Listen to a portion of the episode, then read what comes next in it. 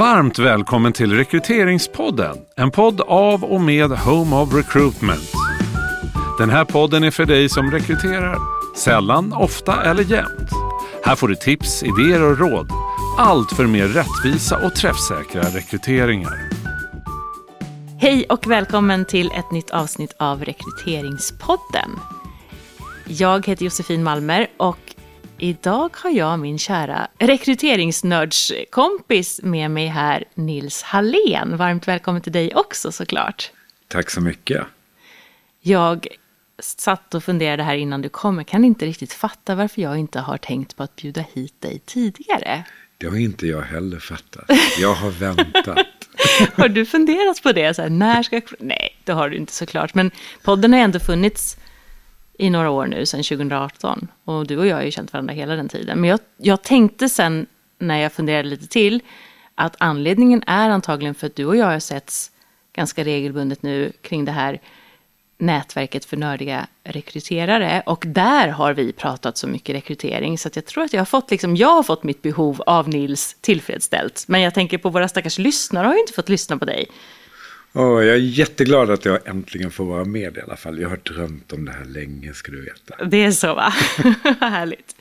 Eh, och jag tänker du ska få presentera lite mer såklart än det jag lyckas åstadkomma här nu då och framförallt vad du gör idag. Men jag tänker att du är en rekryteringsentusiast. Eh, du utbildar framtidens rekryterare eh, på Södertörns högskola och du har skrivit ett antal böcker, jag vet inte exakt hur många det är. Tre stycken. Tre böcker mm, på ämnet. Så där ligger ju jag lite i lä, helt klart. Eh, och som sagt eh, så har vi det här eh, nätverket tillsammans, du och jag, där vi har nördat kring många ämnen. Så många ämnen att jag också när jag funderade på vad ska, jag, liksom, vad ska vi prata om nu när vi ses i podden, rent egoistiskt tänkte att jag tar någonting som jag själv är nyfiken på, eh, eftersom att ja, det andra har vi ju också redan gått igenom, du och jag. Så jag tänker att vi ska prata om vad som har hänt under hela den här perioden när du har jobbat med rekrytering. För du har jobbat längre än vad jag har. Du har jobbat sedan 90-talet med rekrytering det på olika stämmer. sätt. Det glada 90-talet. Det glada 90-talet. Ja, när vi inte hade så mycket koll på rekrytering. kan man ärligt säga. Men det stämmer. Ja. Jag blev jätteglad när du föreslog ämnet också. Och får ju tänka tillbaka på vad har hänt under de här nästan 30 åren har det blivit som jag har jobbat med rekrytering på olika sätt. Olika mycket också, givetvis. För jag kan ju tycka att det har hänt mycket på de åren som jag har jobbat med det här. Men jag tänker att det har hänt ännu mycket mer när vi går tillbaka till det glada Men 90-talet. det mesta har hänt de senaste 10-15 åren. Det är så, va? Mm. Ja, så du har liksom varit med. Du har inte missat något Josefin. Det är skönt att höra och jag tror att ännu mer kommer hända framåt. Så där tänker jag att det är kul att vi båda ska vara med ett tag till eh, och se vad som händer om inom de närmsta 10-15 åren också. Men eh, idag jobbar du inte bara med rekrytering längre. Eh, Det stämmer. Jag är kvar på Södertörn och Mm. har en 20% anställning där. Där jag är ansvarig för kursen i personalförsörjning och kompetensutveckling på personalvetarprogrammet. Mm. Vilket är jätte, jättekul. Jag vill inte släppa studenterna. Mm. Men sen ett år tillbaka ungefär så jobbar jag som HR-direktör på ett eh, litet läkemedelsbolag. Som när jag började så var vi ett rent svenskt forskningsbolag egentligen. Med ett par produkter som vi skulle ta till marknad. Eh, Så när jag kom in så var mitt första uppdrag att börja bygga upp en eh, global organisation med fokus på Europa och USA. Så jag har jobbat mycket med rekrytering under det här året och kommer att fortsätta jobba mycket med rekrytering framöver. Just nu har jag åtta rekryteringar som är ute på annons och ett par till som kommer att läggas ut närmaste veckan. Så jag har fullt upp med rekrytering med lite annat perspektiv än vad jag haft tidigare. Dels är det, i och med att jag jobbar internt så får jag jobba tillsammans med mina kära chefer på ett annat sätt och inte tillsammans med kunder. Nej. Så det är ett annat perspektiv, vilket både har utmaningar men också är roligt. Och framförallt är det nytt för mig. Och det är kul. Det var länge sedan jag gjorde det. kan, ska vi ju prata om annat som jag redan har sagt, men, men liksom, vad är den största skillnaden skulle du säga? Att jobba internt med rekrytering eller att jobba så som du har gjort förut, att vara liksom extern konsult i de här frågorna? I början så kände jag, när man går in som konsult, då är man på något sätt redan efterfrågad. Man är där för att avlasta eller för att man har någon specifik expertis som de är ute efter. Och då blir det också, man går in, gör sitt jobb inom sitt område och behöver inte övertyga så mycket om hur man ska göra. När jag jobbar internt så handlar det också om att hantera chefernas vana vid att rekrytera tidigare. Har de rekryterat mycket? Har de rekryterat lite? Har de rekryterat på andra sätt än så som jag vill att vi ska rekrytera? Eh, och hantera förväntningarna blir liksom annorlunda än vad jag gjort tidigare. Mm. Sen är jag nu har jag lyxen att de chefer som jag rekryterat tillsammans med nu, det är ju framförallt personer som jag rekryterade in under förra året. Ah. Och de har ju gått igenom de den vet. rekryteringsprocess ja. som jag har byggt upp. Och det är jättehäftigt. De vet ju exakt och har liksom ett kandidatperspektiv, vilket också ger andra perspektiv för mig. Och det är lyxigt och härligt. Mm. Och vad jag förutsätter också uppskattade den process de var igenom, tänker jag. Det är vad de säger. Ja, ja. Och det gör ju antagligen också att det blir lättare för dig att då, då behöver du inte argumentera så mycket för varför ni ska göra så, för de förstår själva utifrån perspektivet ja, de fick som kandidat. Så här gör vi och ja. så gör man sitt bästa utifrån det. Ja. Sen föreställer jag mig också att en stor skillnad är att när man jobbar på insidan med rekrytering som en kollega till dem man supporterar med de här sakerna så har man ju också mycket större förståelse för ja, men för verksamheten, värderingarna, liksom utmaningarna. Allt det där som man som extern rekryteringskonsult försöker såklart förstå så gott man kan. Det får man ju till sig på ett naturligt sätt när man är en del av ja, att företaget. prata om företaget blir helt annorlunda ja. än när man jobbar som konsult. Såklart. Med en annan trygghet där. Sen i ärlighetens namn, det här är en ny bransch för mig. Så det har varit en, en eh, tuff inlärningskurva att förstå både branschen men också rollerna som jag rekryterat till. Så jag har mm. varit väldigt beroende av cheferna. Jag skulle aldrig klara att göra de här rekryteringarna från början. Jag har inte läst ett CV knappt sedan jag började. Vi rekryterar rätt mycket på CV för att det är ganska nischad bakgrund de behöver. Och där är det ju cheferna som är S på att läsa och förstå och tolka dem. Mm. Och det är ju också en uppsida med att göra det på, från insidan tillsammans på det sättet att man kan fördela det på det viset. Du får läsa CVna för jag förstår inte liksom. Och sen stöttar jag i de här delarna där jag kommer in med min expertis. Och så kan man liksom fördela arbetsuppgifterna inom rekryteringsprocessen eh, på den som gör det bäst. Mm. Så. Ja, ja, den blir annorlunda ja, nu. Ja. Det, är, det är jättekul. Härligt att höra. Kul. Och jag vet ju också att du har fått lära dig en massa om kompoben och massor med andra saker. Eh, Ja, mm. jo, jag har gått från att vara ganska nischad inom HR till att behöva jobba med allt inom HR, vilket också är kul och har varit lite utmanande kan jag väl erkänna. Men du, om vi kommer tillbaka till rekrytering. Det är ju inte Kompo-Ben-podden det här, det är ju rekryteringspodden. Så. Kanske ska skapa en sån. Det skulle nog också vara uppskattat tror jag. Ehm, av ett gäng lyssnare. Men som sagt, du började med det här på 90-talet. Vad skulle du säga är liksom, för man kan ju dela in det i, tänker jag, så här, hur har det förändrats utifrån inställning, attityd kring det här med hur man jobbar med rekrytering. Och sen kan vi komma in på det lite mer praktiska, vad är det som faktiskt görs annorlunda då? Men man tänker på 90-talet då, när det begav sig. Hur, hur var inställningen till att rekrytera då? Ja, mina första rekryteringar det var faktiskt inom resebranschen. Jag satt som personalchef på ett eh, resebolag. Och eh, där, där hade vi, när jag tänker tillbaka, så hade vi faktiskt en väldigt bra rekryteringsprocess. Den var väldigt praktisk. Det var egentligen arbetsprov, simuleringsövningar som vi genomförde. Där eh, det var väldigt svårt att rekrytera på bakgrund. Det enda som var bra att ha var egentligen språk. Mm. Att kunna språk till de länder som man skulle bli ansvarig för att jobba inom.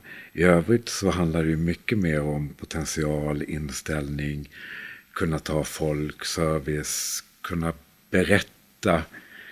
Eh, och det kunde man inte läsa i CV, plus att det var väldigt många unga som sökte givetvis. Så vi hade ju väldigt mycket praktiska övningar. Vi gjorde rollspel där man fick ta hand om besvärliga kunder eller gäster. Mm. Eh, mycket mikrofonteknik, mycket berätta, mycket hantera svåra situationer.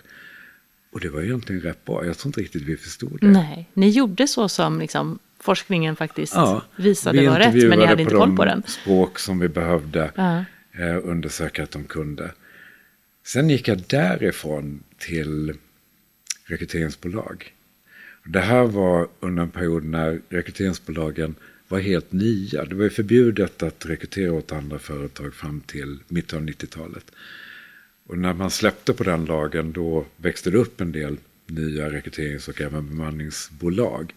Och ett av dem var Proffis och där började jag. Eh, jag var med och startade upp deras kontor i Lund. Och då fick jag introduktionsprogram, jag fick utbildning i sälj. Mm -hmm. Men jag fick ingen utbildning i det jag skulle sälja. Fick egentligen ingen utbildning i hur man intervjuar, hur man bedömer en kandidat efter en intervju. Efter ett tag så fick jag testlicens på TPPA som är ett disktest. Och jag kommer ihåg att jag blev helt lyrisk för jag hade någonting att hålla mig vid. Och så kunde jag ha en trevlig diskussion ja. utifrån testresultatet. Och jag tyckte att, jag, jag tror aldrig egentligen att jag har känt mig så duktig som rekryterare som jag gjorde då. Mm. För jag, vi utrustades med ganska bra självförtroende tror jag. Att vi kunde det här, vi var experter på att snabbt förstå människor.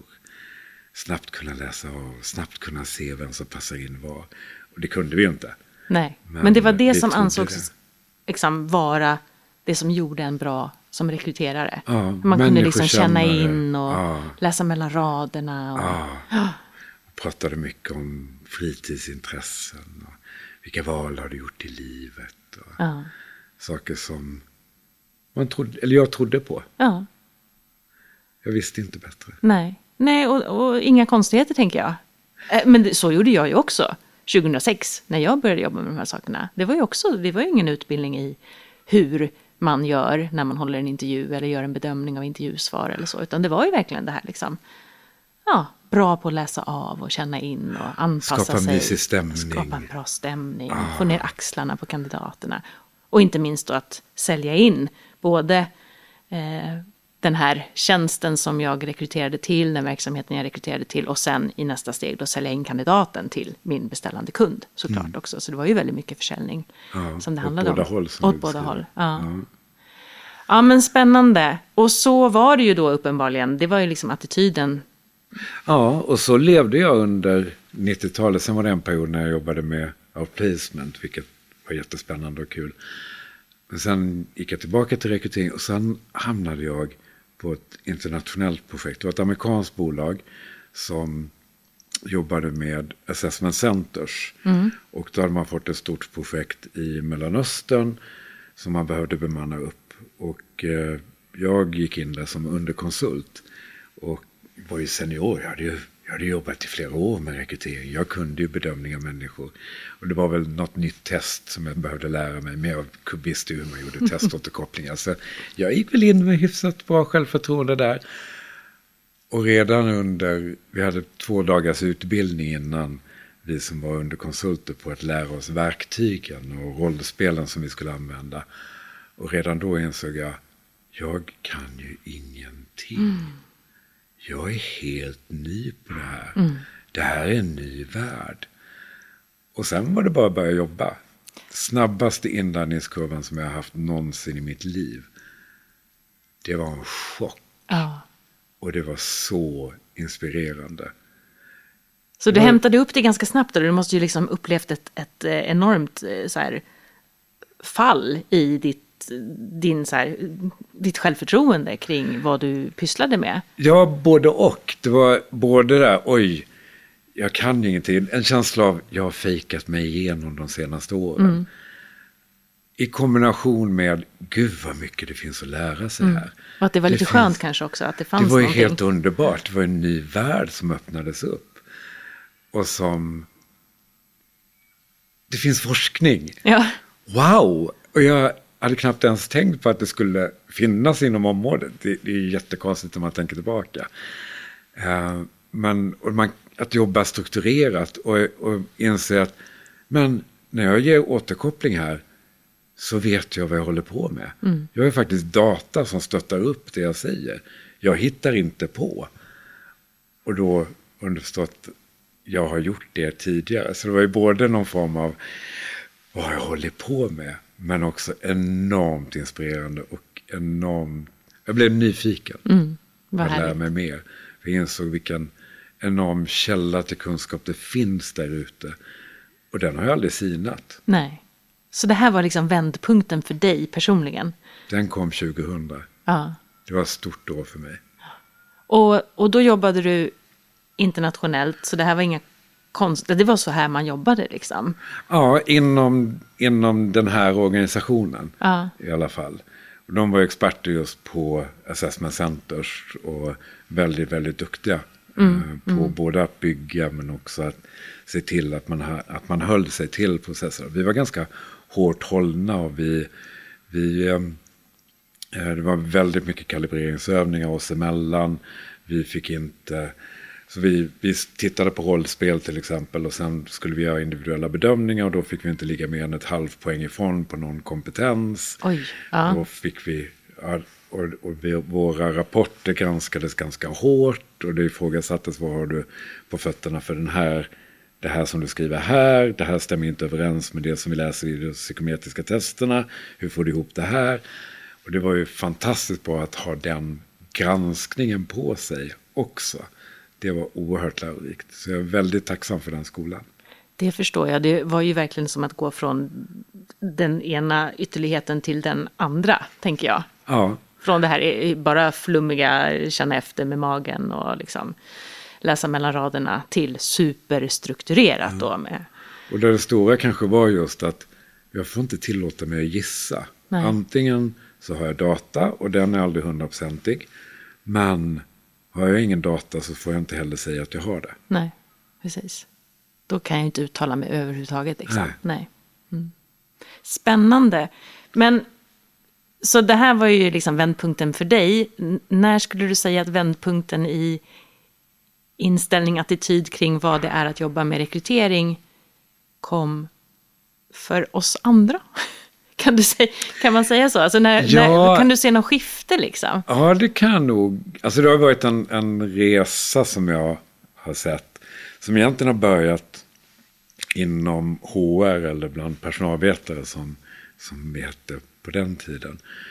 Och då var, fanns det nästan ingen utbildning inom personalvetarprogrammen inom rekrytering och urval. Eh, det var väldigt tunt, det var väldigt lite på de flesta lärosäten i alla fall. Och sen började det komma kanske 2007, 2008. Mm. Jag var på Södertörn började vi väl för ungefär tio år sedan med en 7,5 poängs kurs inom som heter då personalförsörjning och kompetensutveckling. Där det är mycket bedömning, rekrytering, även om det är en del kompetensutveckling också. Men rätt mycket fokus på bedömningsdelen egentligen. Och det är ju bara tio år sedan. Så jag skulle nog säga runt, runt 2010 började det hända saker. Ehm, men det började under 00-talet. med Jag hade rätt mycket kurser då för HR-personer. Och jag vet de första åren där runt 2004, 2005, 2006 så fick jag lägga en halv dag på att prata om magkänslan och varför vi kanske inte ska lita på den till 100 procent. Och experimenterade med olika sätt att få fram det här budskapet som, som hade blivit så tydligt för mig. Hur kunde jag pedagogiskt lägga fram det för andra som kanske inte hade utsatt sig för det som jag blev utsatt för lite chockartat. Och få den här, inse varför måste jag jobba strukturerat. För det är inte kul att jobba strukturerat om man inte förstår varför. Nej, precis. Mm. Ehm, och där gjorde jag allt ifrån att mer mjukt försöka prata om magkänslan och till att drämma forskningsartiklar i bordet och säga att vi ska aldrig använda magkänslan överhuvudtaget och mm. experimentera kring vad är det som funkar egentligen. Ja. Men det var väldigt mycket tid som jag fick lägga på det. Vilket är rätt naturligt, för många av de som är utbildade hade jobbat med rekrytering i 5, 10, 15, 20 år. Och att då höra någon som kommer utifrån och säger, vet du vad, jag tror att du har gjort fel i 20 år. Det var ju det som mm. jag ja, den fick är, som Den är tuff. Den är rätt tuff att vända på en halvtimme. Mm. Så det var, ja, det var spännande, det var häftigt. Um, det var häftigt att få vara del av den rörelse som ändå hände där fram till runt 2010. Mm. Idag är det ju en icke-fråga. Att nu när man pratar med personalvetare så är det ju inte varför ska man inte använda magkänslan utan hur gör vi? Ja, precis. Man kan börja där istället. Ja. Och det är ju en enorm skillnad. Ja. Samtidigt som när jag träffar chefer så är det ju fortfarande ganska stor del. Ja, men magkänslan är ju ändå rätt bra. Mm. Och så här, så mm. det finns ju kvar. Absolut, jag tänker att det är väldigt... Det är en, en en del i alla våra utbildningar som vänder sig mot chefer i alla fall handlar ju inledningsvis om att någonstans inse sin egen inkompetens inom rekrytering. Så först börjar vi med någonstans att bryta ner alla kursdeltagare kring att så här, nej, det här är ingenting som man kan per automatik. Eller, och, och, det spelar ingen roll att man har jobbat med rekrytering i 20 år eller aldrig hållit en intervju förut. Det här är en utmaning för oss alla. Liksom. Så att vi måste ändå alltid börja där när vi pratar med cheferna. Sen behöver vi inte lägga liksom, en halvdag på det, men någon timme behöver vi ändå ägna åt att vi är subjektiva, vi är fulla av eh, fördomar och förutfattade meningar och, eh, och också lyfta det här med kandidaternas perspektiv på vad vi ägnar oss åt. Alltså det är inte proffsigt att hålla en intervju som inte är strukturerad, som handlar om privatliv och fritidsintressen och så vidare. Så man får använda lite olika argument för att få poletterna att trilla ner. Men när de har gjort det, då kan vi sen börja prata om så här, okej, okay, så här gör man då. Och då upplever jag att de absolut flesta blir väldigt glada över att det finns någonting att hålla sig i. Det finns forskning, det finns en metod, det finns ett sätt att göra det här på. Det blir inte alltid rätt, men det är rätt sätt att göra det på. Så. Där pekar du också på något med kandidatupplevelsen som ju verkligen har varit en förskjutning. Eh, på många håll i alla fall upplever jag där för 15 år sedan så upplevde många kandidater fortfarande som varför har du ett manus? Det där mm. här kantigt, det här är inte riktigt bra kandidatupplevelse. Till nu är det, som du beskriver, lite tvärtom. Att om man frågar om fritidsintressen eller inte har någon struktur på samtalet så kandidater som har varit på bra intervjuer, de börjar ifrågasätta.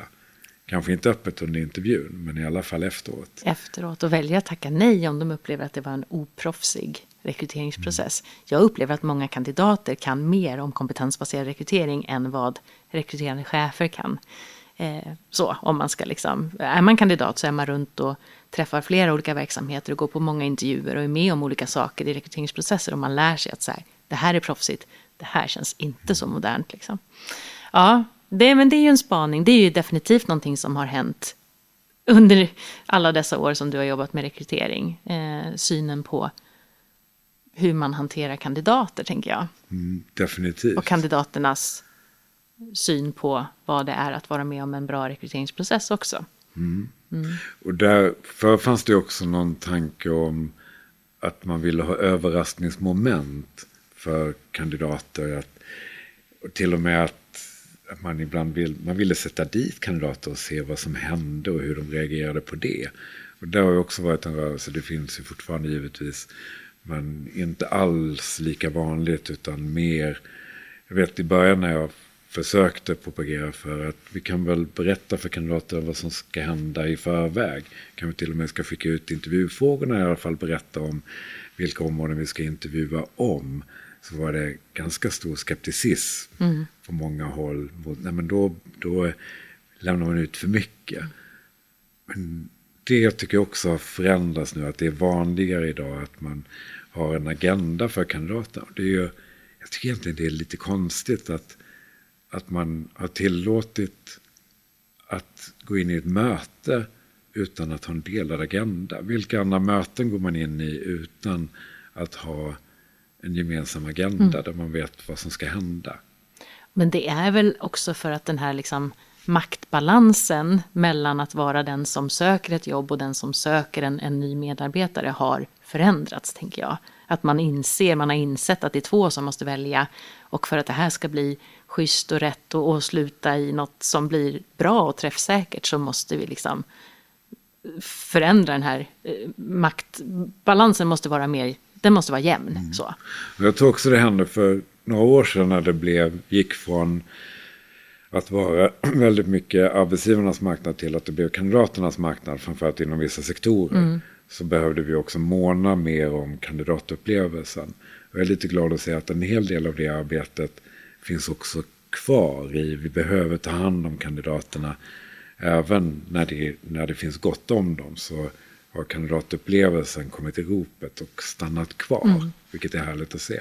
Det är jättehärligt och jag tänker att de här studierna som nu är gjorda kring kandidatupplevelse också säger oss och alla verksamheter där ute att även om vi idag liksom, har många sökande och lyckas attrahera så hur vi hanterar kandidater idag påverkar vår, vår liksom, möjlighet att rekrytera om fem år, tio år, femton år också. För det här är ju saker och ting som sätter sig på djupet hos personer. Mm. Och ryktet går. Och som blixtsnabbt. Ja. ja. Man berättar gärna om dåliga upplevelser som kandidat. Precis. Jättegärna. Ja. Men man berättar också om de goda upplevelserna. Mm. Så att man har ju också en möjlighet att påverka eh, de här sakerna med, med relativt enkla medel. Eh, få kandidaterna att tala gott om en. Så, så, att, ja. men så det här är ju någonting som definitivt har hänt mycket inom, tänker jag. Om vi kommer in på lite mer så här praktiskt. Vad, vad gör man idag som man inte gjorde på 90-talet, det är länge sedan nu, men som man inte gjorde för 10-15 år sedan skulle du säga? Ja, en sak som jag har utmanats är det personliga brevet. Mm. Som jag hade någon egen kamp för ett antal år sedan. Där jag skrev ganska frustrerat på LinkedIn om det personliga brevet måste dö och sånt här. Mm. Uh, och då var det väldigt mycket mothugg mot det. Eh, men det upplever jag idag att nu finns det fortfarande en debatt kring. Bör vi ha ett personligt brev? Bör vi inte ha det? Och nu finns det också ett ifrågasättande av CV, framförallt för vissa rekryteringar där, där bakgrund och erfarenhet inte är speciellt viktigt. Och det är ju en sund diskussion verkligen. Men där det personliga brevet håller ju äntligen på att långsamt självdö. Mm, ja. och ersättas kanske i högre utsträckning av urvalsfrågor till exempel. Mm. Som blir en mer rättvis och mer träffsäker metod än ett personligt brev. Där mm. vi inte berätta om vad vi... Vi anser oss inte behöva berätta om vad man ska skriva. Så tar vi oss rätten att välja bort de som gissar fel. Och sånt här. Det är skönt att det är en, det är en debatt som pågår. Mm. Men det är härligt att den går i rätt riktning tycker jag. Och där har ju också kommit många fler verktyg och också eh, andra affärsmodeller, priser för att använda de här verktygen tidigt i urvalsarbetet också. Så att man faktiskt kan, för det man många gånger vill tänker jag när man använder sig av personliga brev, det är att förstå vem är personen bakom CVet. Men där finns det ju idag studier som visar att de adjektiv vi använder för att beskriva vilka vi är i personliga brev är inte alls eh, de adjektiv som hänger ihop med min personlighetsprofil exempelvis det faller på sin egen liksom, orimlighet. Alltså det, det, vi, allt är normalfördelat, vi kan inte alla vara eh, strukturerade, målmedvetna, ihärdiga, ambitiösa, många bollar i luften, så som vi säger att vi är när vi söker jobb. Det är vi inte, för våra egenskaper är normalfördelade. Mm. Och nu kan man ju också därmed, både urvalsfrågor som du nämner, men också tester tänker jag, där måste det ha hänt mycket under tiden som, som oh, du har varit verksam. Hur man använder tester, synen på tester, vilka tester, när i processen och så vidare. Ja, när jag började, mitt första test som jag blev licensierad på var ju som sagt ett, ett disktest som jag inte skulle använda som urvalsmetod idag. Och jag gjorde kanske inte det då heller om jag ska välja. Jag använde det mer som någon form av diskussionsunderlag. Mm. Och jag tror att det var nog relativt vanligt på den tiden, typ 20 år sedan, att man just använde tester mer som ett underlag för att diskutera. Och jag kan ju se för egen del att jag blev ju så glad för i ärlighetens namn, jag visste inte riktigt vad jag skulle fylla intervjutiden med. Nej. Det var en massa tid man hade att lära känna en person. Och i och med att jag inte riktigt hade verktyg för vad jag skulle intervjua om, för jag hade inga bra kravprofiler, jag visste inte hur jag skulle få informationen då om jag hade det, så blev det ju någonting att prata om. Och det var ju härligt, jag kände mig ju duktig för att jag kunde föra en, en diskussion. Precis, ja. Så jag, jag kan ju liksom förstå varför jag gjorde på det sättet. Men när jag blickar tillbaka så var det ju inte så att jag fick någon information som jag kunde använda bedömningsmässigt. Mer än att det kunde vara ett trevligt samtal. Mm. Och det kunde vara någonting som också tror jag kunde ge kandidaterna en del eh, insikter och, och utrymme och, och, reflektera och sånt här. Men bedömningsmässigt så Nej. kan jag ju i ärlighetens namn inte säga att det tillförde något värde. Så där har jag, och det, det har också varit en resa kring just hur vi, och det har varit en stor debatt kring hur vi ska använda tester. Hur, och där finns ju verkligen också kandidatperspektivet. Den, den är ju inte helt lätt tycker jag, där vi vet att vi bör mekaniskt använda testerna, vi bör gå på datan i testerna och samtidigt så har vi en kandidatupplevelse där vi behöver ta hänsyn till hur känns det att bli bortvald på någonting som är att jag har fyllt i en enkät. Mm. Um, hur balanserar vi återkoppling, inte bara utifrån ett urvalsperspektiv utan också utifrån ett kandidatperspektiv. Den är inte helt enkel. Jag är egentligen vän av att man använder tester på ett tidigt stadium i kombination med helst så mycket som möjligt innan man fattar beslut. Eh, inte till exempel enbart använda begåvningstest eller personlighetstest utan liksom kombinationer innan man tackar nej till någon. Men det är inte helt lätt i praktiken. Hur mycket resurser ska vi lägga? Hur mycket tid ska vi ta från våra kandidater? Vad ska vi kunna ge tillbaka och sånt här? Mm. Det är en, jag tycker fortfarande att det är en svår ekvation. Mm. Men det har ju hänt mycket. Jag kommer ihåg när jag var på en konferens för nog tio år sedan och frågan överhuvudtaget lyftes om att göra screening på tester. Och då var det, vi var typ 300 HR-personer där tror jag. Och det var så här massivt, nej, så kan man inte göra. Inklusive för mig själv. Ja. Och sen har det blivit, det är fortfarande ifrågasatt. Eh, ja, det är det. Men det är i alla fall inte, det är inte någonting som inte finns att screena på tester, utan snarare tvärtom. Mm. Och det som brister, tycker jag, som du också lyfter, det är ju hur vi lyckas förklara för våra kandidater varför vi använder tester som en del av ett beslutsunderlag och inte som ett diskussionsunderlag som vi ju inte ska eh, ha, utan vi bör ju kunna fylla våra intervjuer med, med vettigt innehåll mm. utan att ha någon slags test och sitta och liksom hålla dialog utifrån. Mm. Så att jag tycker att vi, vi har långt kvar i att lyckas förklara för kandidaterna varför vi gör det vi gör. Eh, och också dra ner på andra saker så att inte kandidaterna behöver både skriva ett personligt brev, eh, uppdatera sitt CV, fylla i långa tester och sen få ett tack. Och sen bara få ett nej, nej. standardmail. Ja. Det, um, nej, så det är ju inte okej. Okay, men, mm.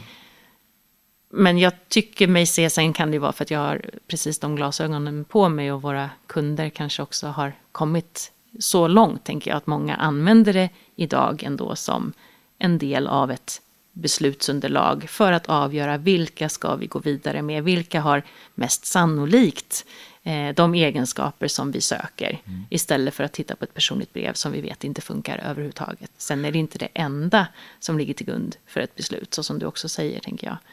Och där har ju också skett en resa, tycker jag. Förr så använde man, eller såg jag i alla fall att man använde tester nästan uteslutande för chefstjänster. Mm. För att det kostade också så pass mycket mer på den tiden att använda sig av tester.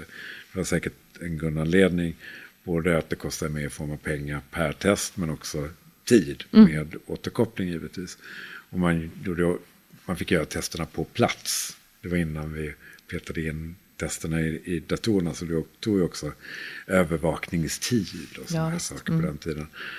Eh, men där det har gått ifrån att vi använder det enbart och uteslutande för chefstjänster till att vi använder för att mäta potential, vilket ju egentligen är där det fyller en bättre funktion också. Precis. Så det är, det är också en stor skillnad. Plus det som du var inne på, ehm, vilka tester vi använder. Ja. Jag har använt både disktester, jag har också använt Myers-Briggs som urvalsverktyg kan Ja. jag erkänna. Ajabaja. Men jag har ju hållit i certifieringsutbildningar i Myers-Briggs. Alltså jag har certifierat testanvändare under många, många år. Under en period när man faktiskt pratade om så här, kombinera den skalan med den skalan. Ja, men det kan indikera det här och hur ska vi hantera det då i sittande möte och liksom.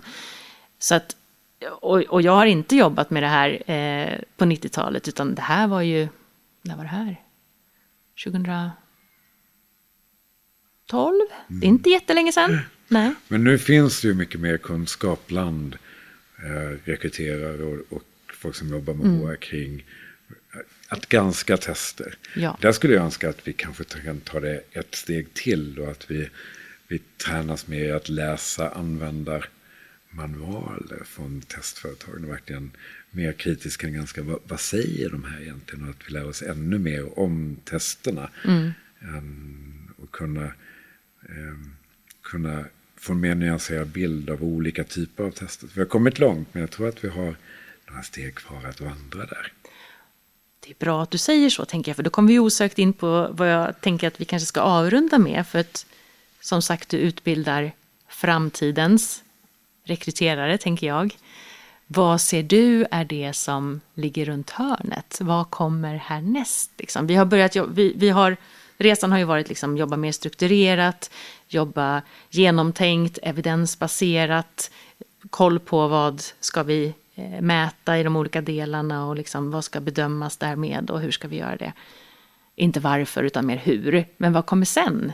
För jag tror ju som du eh, att vi behöver bli bättre. Apropå tester så tänker jag vi behöver bli så att inte alla våra stackars kandidater behöver fylla i precis samma tester varenda gång. Utan vi som jobbar med de här sakerna, vi behöver bli mycket bättre på att mäta och följa upp hur väl funkade nu den här processen som vi riggade? Blev det så träffsäkert som vi hade hoppats? Vad ska vi fila på? Vad ska vi justera? Vi måste fida tillbaka data in i processen och utifrån det liksom anpassa den. Det tänker jag blir mm en viktig sak för rekryterare att göra i framtiden. Det tror jag också. Och framförallt när man jobbar internt med rekrytering att kunna se vad, när vi får tillräckligt med data i vår egen organisation så att vi kan göra våra egna uppföljningar av vad funkar egentligen eh, här, vilka verktyg får vi egentligen ut information som är intressant för oss, vad är det för information, vilka är det som egentligen presterar väl på längre sikt. Så jag tror att vi, det, för en del av oss i alla fall, kommer att bli mer en analytisk roll där vi analyserar data. Det tror jag kommer att bli en del av, av framtiden. Och sen är det spännande att följa AI-utvecklingen. Den kommer man ju inte ifrån Nej. om man tänker framtid inom allt, men givetvis också inom rekrytering. Och där, det kommer att påverka. Sen tror jag att det kommer att gå ganska långsamt, för har det tagit så här lång tid att, att, att vi jobbar strukturerat, så ska vi då släppa över makten inte bara till att vi har en struktur på vad vi håller på med, utan till och med till maskiner. Det blir både en, det är inte bara det är inte en teknisk fråga, det är en inställningsfråga. Och där kan jag ju se, en, en fördel som vi har idag, det är att, att när vi har data att tillgå så behöver jag ju motivera mitt beslut. Um, och jag kan också ha möjlighet att visa vad mitt beslut grundas på. Och vad jag inte har på fötterna med. Lite som jag beskrev tidigare, som jag var tvungen att, att göra. Det går inte riktigt med AI, för AI bara spottar ut så här är korrelationen. Och då finns det en risk för att vi tappar granskningsmekanismen i det hela om vi släpper det för mycket. Och jag tror att det är där det kommer också bli en roll för oss inom HR att liksom förstå vad som händer. Vilka bias kommer in i AI-systemen. Att vi inte använder AI för att bara återskapa det som redan finns, vilket blir det naturliga sättet för AI också att jobba, då, kom, då kommer vi aldrig att se någon förändring. Vill vi nu på allvar ha mer kvinnor på ledande befattningar, då kan vi ju inte återskapa det som finns, för då kommer det att ta ännu längre tid än vad det ser ut att ta innan vi har nått jämställdhet. Mm. Så det här är en Som farhåga du ser? Det är någonting som vi behöver moderera. Ja. Jag, det finns ju potential i AI, men vi behöver också bevaka det. Mm. Och det tror jag kommer bli en av våra framtida roller.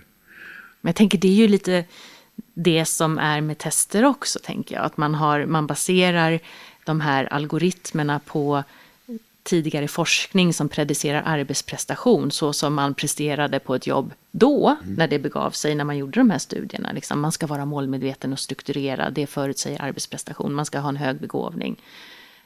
Men jag tänker att, som du är inne på redan, fortsätter vi att bara liksom stöpa alla i den, alltså det, det är vår kravprofil för allt, eh, punkt. Ja, men då, då blir det ju också eh, väldigt likriktat, eh, våra urval framåt. Än så, det är långt kvar. Jag tänker fortfarande att det är ett väldigt bra sätt att få till en, eh, ja, men, en icke-diskriminerande urvalsprocess. Men det är klart att om vi fortsätter så i all oändlighet så kommer vi ju konsekvent att diskriminera personer som, nu är inte det en diskrimineringsgrund, men personer som inte har en genomsnittlig eller hög begåvning kommer inte komma framåt i de här rekryteringsprocesserna som inleds med screeningtester. Ja. Personer som inte är genomsnittligt eller överstrukturerade kommer inte att komma framåt någonstans i en rekryteringsprocess. Och där tänker jag att vi behöver vara de som förstår det här, mäter, är det verkligen begåvning och målmedvetenhet som predicerar arbetsprestation hos oss lokalt i vår verksamhet, i den här avdelningen, i det här teamet, i den här tjänsten. Eh, Och då behöver vi jättemycket data, jättemycket KPI att kika på, jättemycket data. Då tror inte jag att vi kommer landa i att det är så alltid, såklart inte. Men det ställer ju krav på en helt annan kompetens hos oss som jobbar med rekrytering framåt. Gud vad jag babblar, det är ju du som ska prata. Ja, nej. Men det här tycker jag är spännande. Ja, det, finns det ju, är det. det. Det, finns ju redan hos oss. Liksom. Det finns ju vissa som är eh, lite nyfrälsta på tester. Som använder tester hej vilt på alla tjänster, eh, alltid med liksom alla de här, man ska ligga så högt som möjligt på precis allting. Liksom. Det predicerar arbetsprestation. Jo, men vad missar vi då? Så. Ja, ja, jag säger kanske emot mig själv vad jag har sagt i andra eh, avsnitt tidigare, men det är ändå spännande det här. Det är långt kvar till dess att det här kommer bli en diskrimineringsgrund, tror jag. Men det kan komma att bli. Ja, och det, är ju, det beskriver också hur komplext det är. Så får vi försöka göra så gott vi kan utifrån det vi kan veta. Ja, precis. Sen, jag, jag tror framöver att dels kommer nog rollen att bli mer det här analysera data. Vi kommer tvingas jobba mer med det. Den andra delen som jag tror kommer att bli viktig för rekryterare är det som AI inte kan göra. Och det är egentligen värme och kärlek. Att ta hand om kandidater. Jag tror att rekryterarnas framtida jobb kommer att bli kanske ännu mer fokuserat på kandidatupplevelsen. Hur kan vi göra den så bra som möjligt? Och där ha den mänskliga varma touchen på det. Exakt. Där ser jag nog mer att vi kanske går från att, att vi blir intervjuexperter. Jag är inte ens säker på att människor kommer att intervjua framöver. Men vi behövs nog förhoppningsvis inom andra områden av rekryteringsprocessen i alla fall. Det hoppas jag också. Jag tror också verkligen det. Jag tänker det här som vi gör nu, sitta så här och prata med varandra och liksom diskutera och ses, alltså det kommer aldrig en AI eh, kunna göra på det här sättet. Vill du jobba med mig? Jag vill jobba med dig. Liksom känna av det här. Vem kommer ens om 20 år vilja ta en anställning någonstans där man inte har träffat en människa? Liksom? Så vi kanske är på väg tillbaka till 90-talet. att rekryterarens jobb. Ska vi det låta blir det att ha ett trevligt samtal. Ja, och känna efter lite. Hur känns det? Ja, nej, nu är vi tillbaka där vi började. nej, men låta liksom AI, algoritmerna göra det de kan och noga övervaka så att vi inte bygger in bias i det. Så att vi inte liksom återskapar någonting som vi vill komma ifrån. tänker jag. Men sen låta människorna göra det som vi är bäst på. Så, Det tycker jag är en bra avrundning. Låta människor göra det man är bäst på. ja, bra. Det kommer vi inte komma ifrån. inte ens när vi ses här om 20 år till. Ja. I avsnitt 5387. Det ser jag fram emot. Tack snälla Nils för att du kom och gästade Rekryteringspodden. Jag ser fram emot flera nördiga samtal med dig framöver. Tack så jättemycket och tack för att jag fick vara med. Såklart. Tack! Du har hört en podd av Home of Recruitment. Om du vill komma i kontakt med oss, skicka ett mejl till info at homeofrecruitment.se. Podden är producerad av Septemberfilm.